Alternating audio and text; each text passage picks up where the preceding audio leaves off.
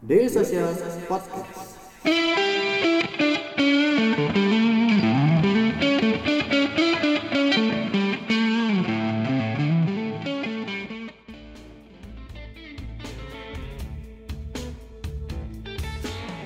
Oke, nah bicara tadi modal sebesar 70 juta ya di lokasi dekat Kuningan gitu ya. Itu udah itu sudah sama tempat sewanya apa, apa belum, Mas?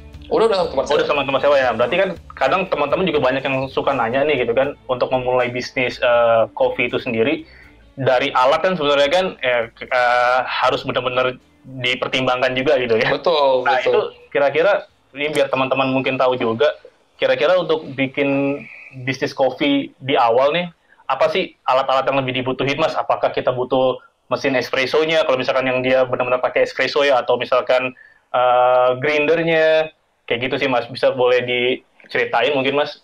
Jadi eh, konsep ini kan ke bagi dua ya biasanya. Yang paling penting itu esensial pasti espresso mesin sama grinder. Hmm. Cuman kita maunya ke mana? Yang arahnya yang eh, mahal atau mau yang murah gitu. Hmm. Dua hal ini kan berbeda ya. Satu yang murah itu biasanya bisa dipakai, cuman cepat rusak juga, cepat maintenance gitu. Kadang-kadang kalau eh, orderannya banyak dia nggak bakal kuat gitu. Jadi balik lagi gitu. Nah, jadi jiwa sendiri memang kan eh, produk yang dijual itu es kopi susu yang eh, biasanya laku itu cold ya, lebih ke arah eh, cold beverage ya. Jadi Hmm.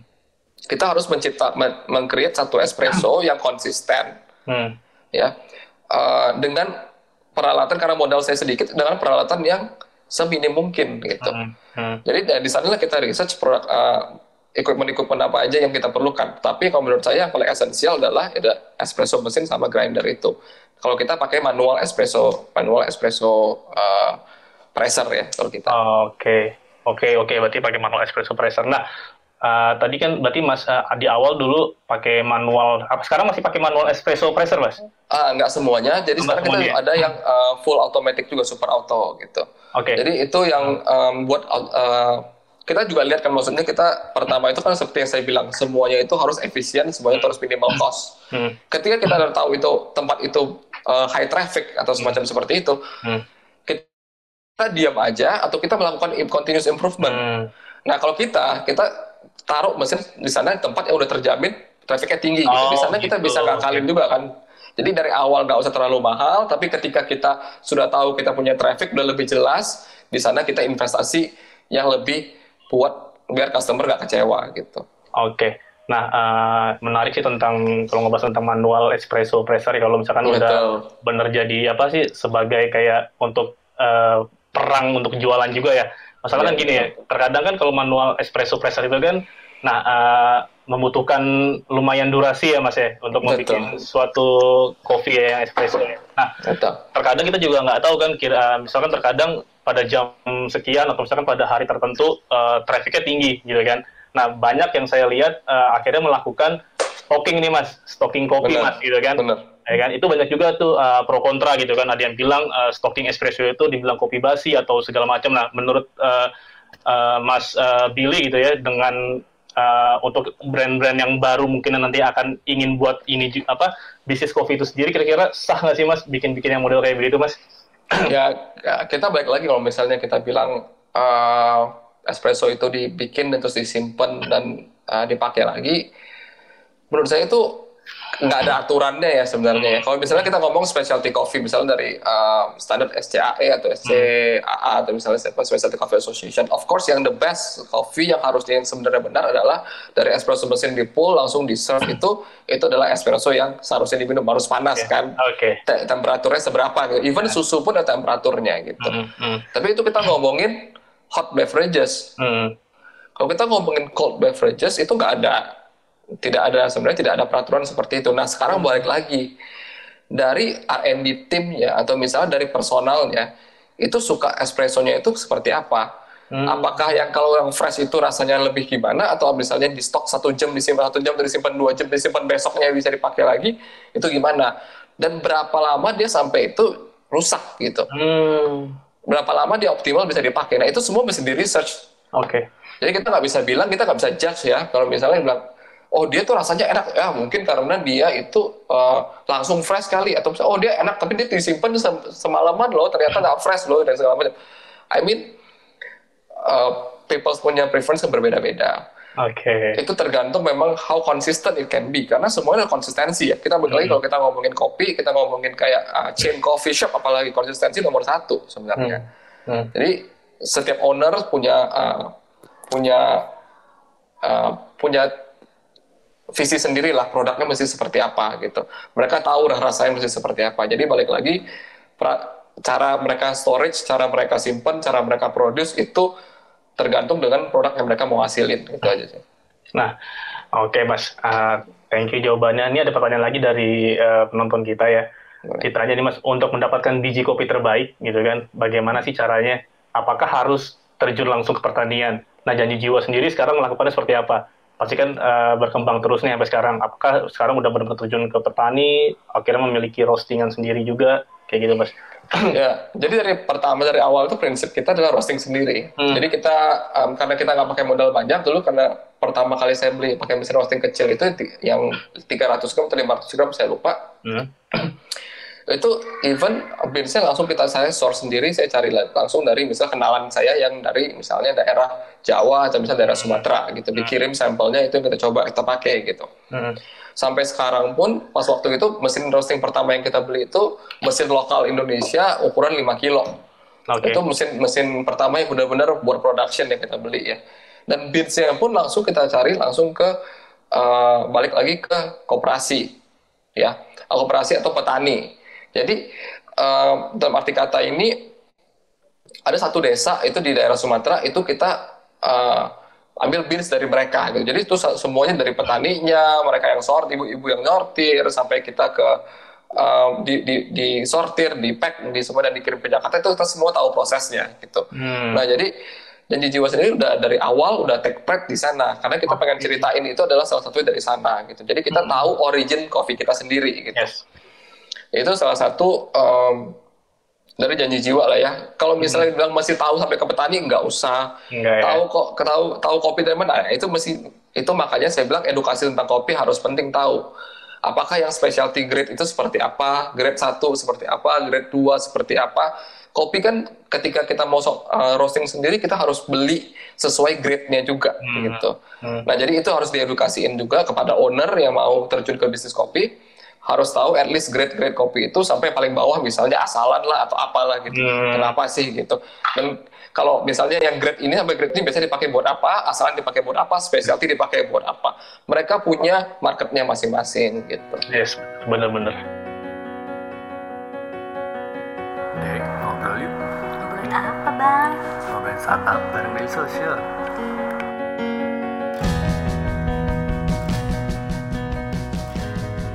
Daily Social Podcast. Emang seru sih kalau nyoba-nyobain yang Seru, kayak gitu ya. benar, benar. Oke.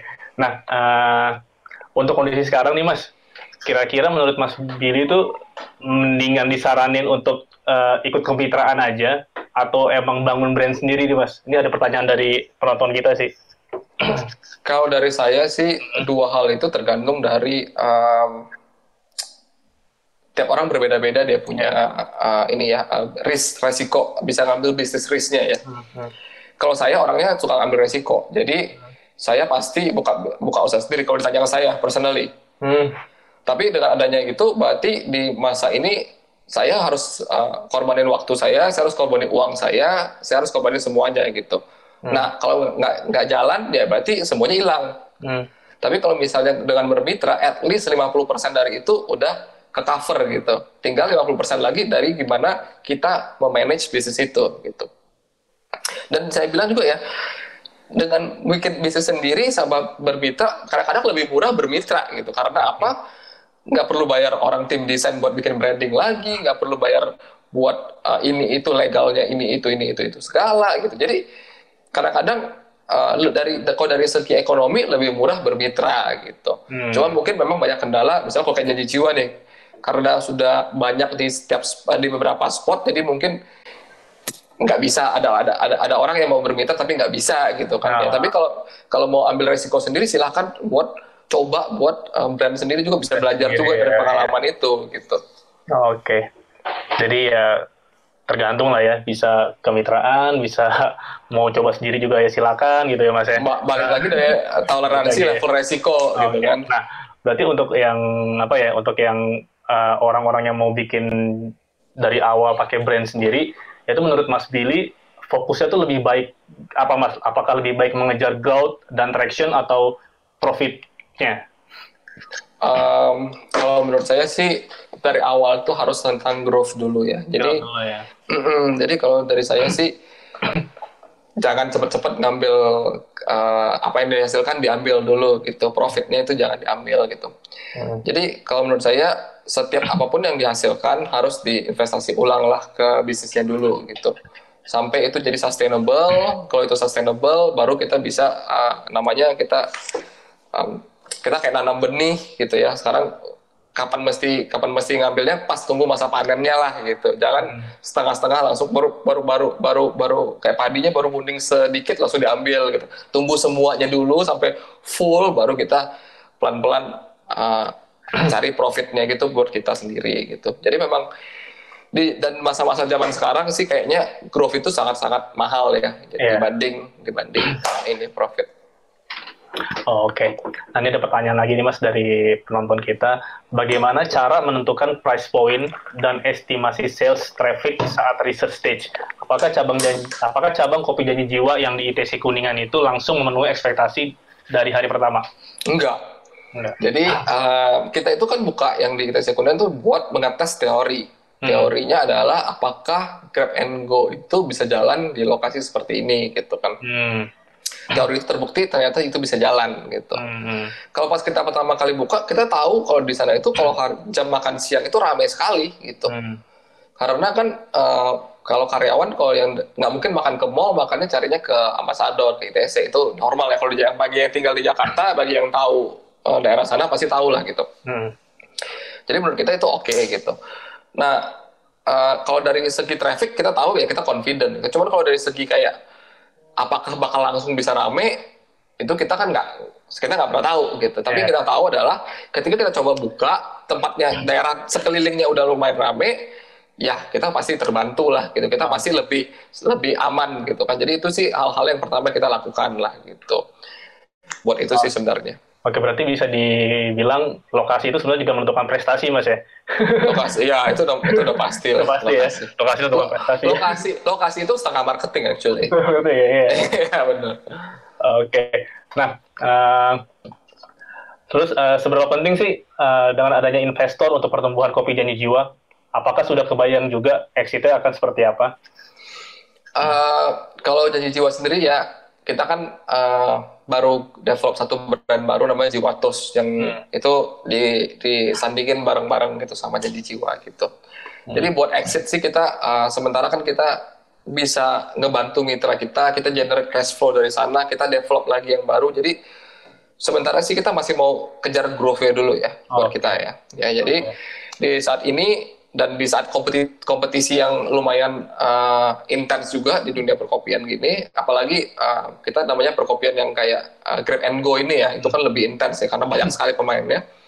Saya rasa kayak menjadi uh, market leader itu sangat penting gitu buat uh, ini buat dapat growth buat jadi market leader gitu. Jadi ya buat sementara kita masih ngejar ke arah growth-nya sih.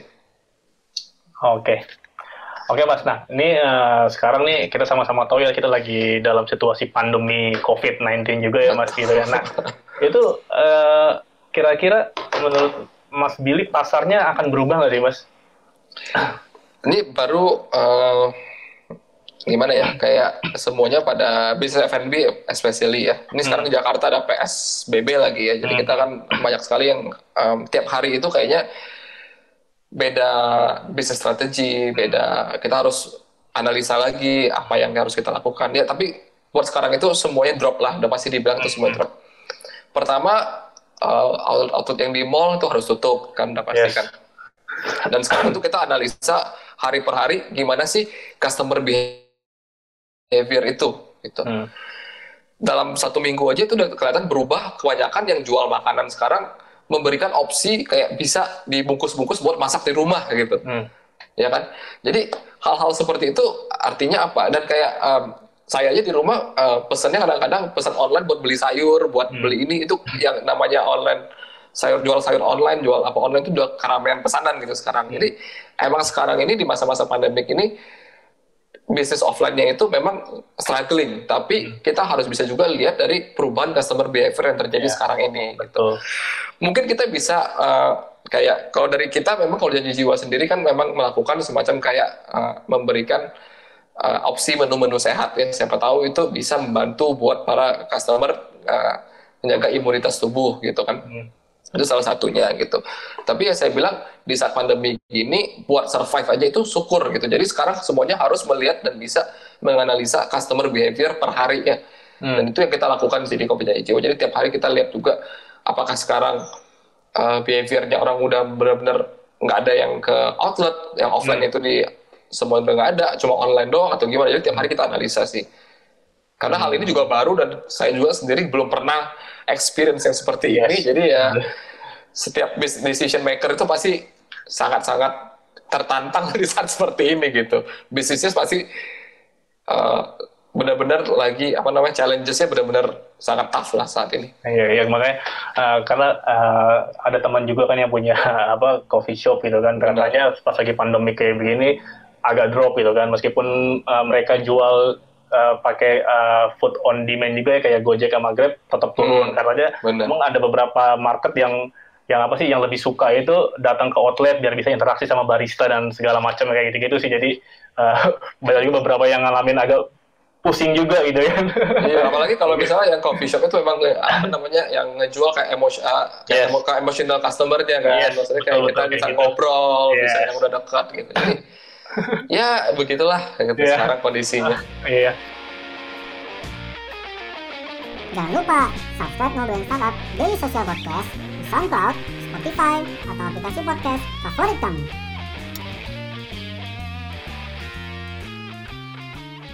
Uh, terus Mas, uh, bagaimana jadi jiwa mengantisipasi bisnis retailnya bahwa bisnis ini tidak cuma hanya tren saja seperti retail-retail kayak boba-boba yang ada Mas?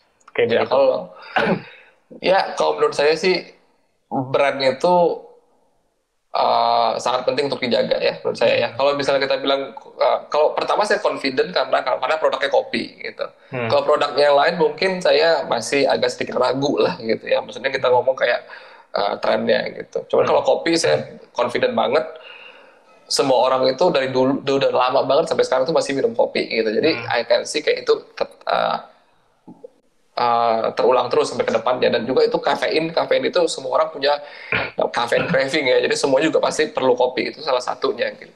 Hmm. Nah kedua adalah tugas kita gimana caranya uh, jadi brand itu nggak tenggelam sama waktu gitu. Gimana kita bisa uh, puji Tuhan di dua tahun ini Kopi Janji Jiwa selalu bisa buat menghasilkan kolaborasi-kolaborasi yang uh, lagi kekinian juga gitu. Jadi masih ada orang tiap kali orang lihat tuh masih ada lihat Kopi Janji Jiwa gitu. Jadi exposure-nya itu sangat penting sekali. Menurut saya ya brand image dan brand exposure kita harus benar-benar ada terus. Jadi jangan ngerasa kayak kita udah oke orang udah kenal nih brand gua nih. Ya udah gua uh, saatnya gua cut down. Gua kayaknya santai aja.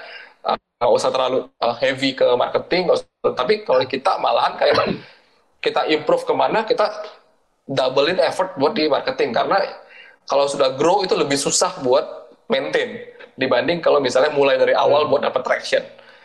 Menurut Pak, pekerjaan yang paling susah itu adalah biar orang nggak bosen, biar orang tetap uh, percaya sama brandnya, biar tetap bisa uh, brandnya itu bisa lasting ya gitu.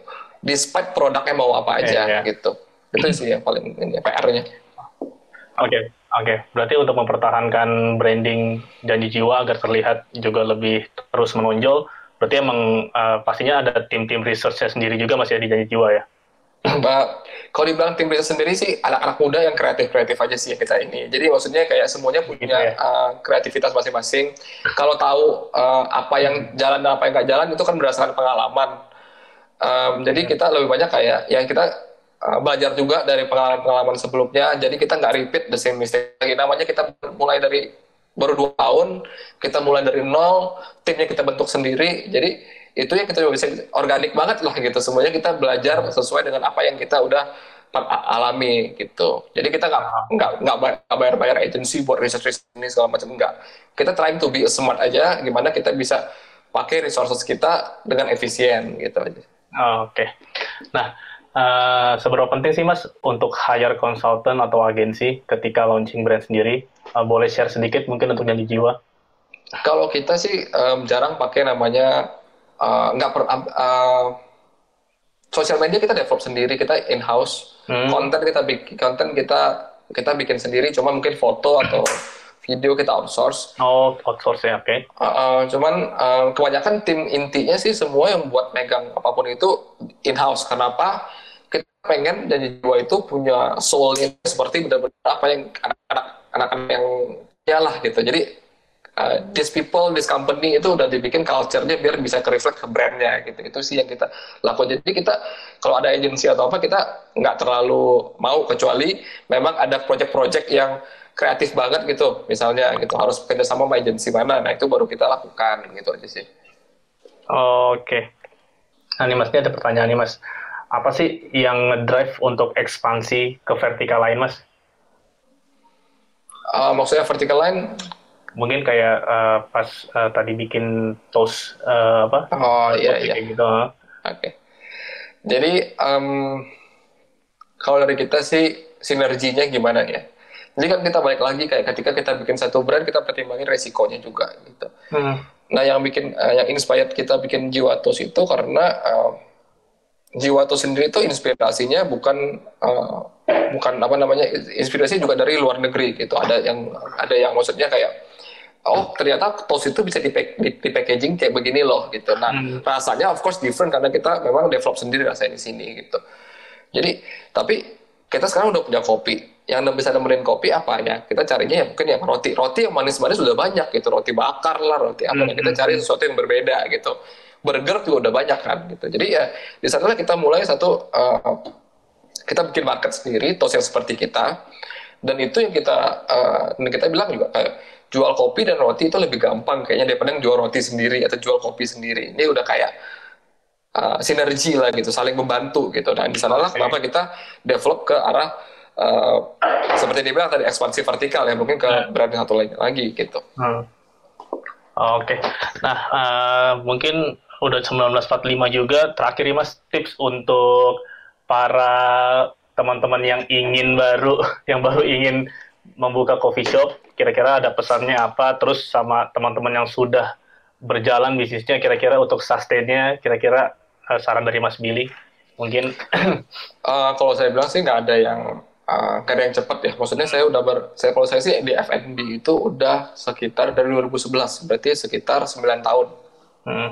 Jadi um, menurut saya sih selama 9 tahun ini um, pengalaman-pengalaman itu yang saya pakai buat ketika saya aplikasikan ketika saya bikin brand baru lah seperti yang kayak satu lagi brand jiwa ini gitu. Hmm. Jadi satu salah satunya adalah ya uh, belajar itu sangat penting dari prosesnya gitu karena saya yakin dari setiap uh, business owner yang baru yang mau start start awal gitu uh, pasti saya passion itu benar-benar kayak menggebu-gebu gitu. Saya suka banget tuh ketika bikin sesuatu exciting banget kan gitu. Tapi ya perhatikan kayak selain buka bisnis, selain kita jualan, kita harus mikirin juga uh, back office-nya, jangan lupa administrasinya, jangan lupa kayak uh, kayak semacam suppliernya segala macam harus kita pertimbangkan gitu. Jadi saya bilang bisnis itu ketika jualnya itu udah, udah dilakukan, tugas kita adalah kita mundur sedikit buat merapikan di belakangnya. Jadi kita punya bisnis itu benar-benar kuat fondasinya Oke. fondasinya harus kuat. Nah, kalau buat yang udah jalanin dan udah yang udah lagi jalanin bisnis, sekarang itu inovasi nomor satu dan speed itu adalah uh, yang yang benar-benar penting ya gitu. Jadi apa pun itu harus cepat zaman sekarang gitu. Jadi um, apalagi kalau misalnya di fast pace industry seperti F&B gitu. Jadi kalau bisa memang harus product innovation yang benar-benar sesuai dengan uh, consumernya kita. Kita harus bisa juga uh, nggak usah mahal, tapi kita harus tetap harus kayak bisa ngobrol dengan customer kita. Jadi ada satu macam kayak brand kita tetap diingat oleh customer-customer kita gitu. Itu sih yang paling penting sih menurut saya. Oke, eh, teman-teman startup startup, eh, share-nya udah di-share eh, yang sangat bermanfaat dari Mas eh, Billy. Kira-kira eh, mungkin ini udah akan jadi gambaran buat teman-teman yang baru ingin membuka bisnis kopinya atau yang sedang berjalan juga mudah-mudahan tetap bisa sustain. Oke, Amin. thank you Mas Billy atas you, Bos. waktunya. Eh, Oke, untuk teman-teman startup eh, jangan lupa kita minggu depan uh, tetap ad- akan ada satu startup di YouTube channel kita. Oke, uh, thank you semuanya. Thank you, thank you semua. Ya, thank you malam.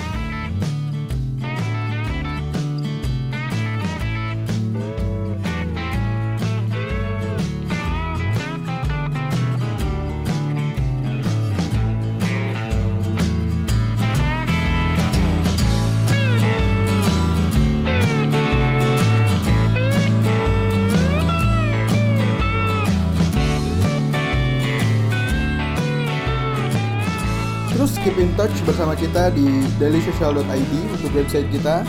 Di Facebook kita ada dailysocial.id, di Twitter kita ada @dailysocial dan di Instagram kita ada @dailysocial.id. Di LinkedIn kita ada Daily Social dan di YouTube kita ada Daily Social.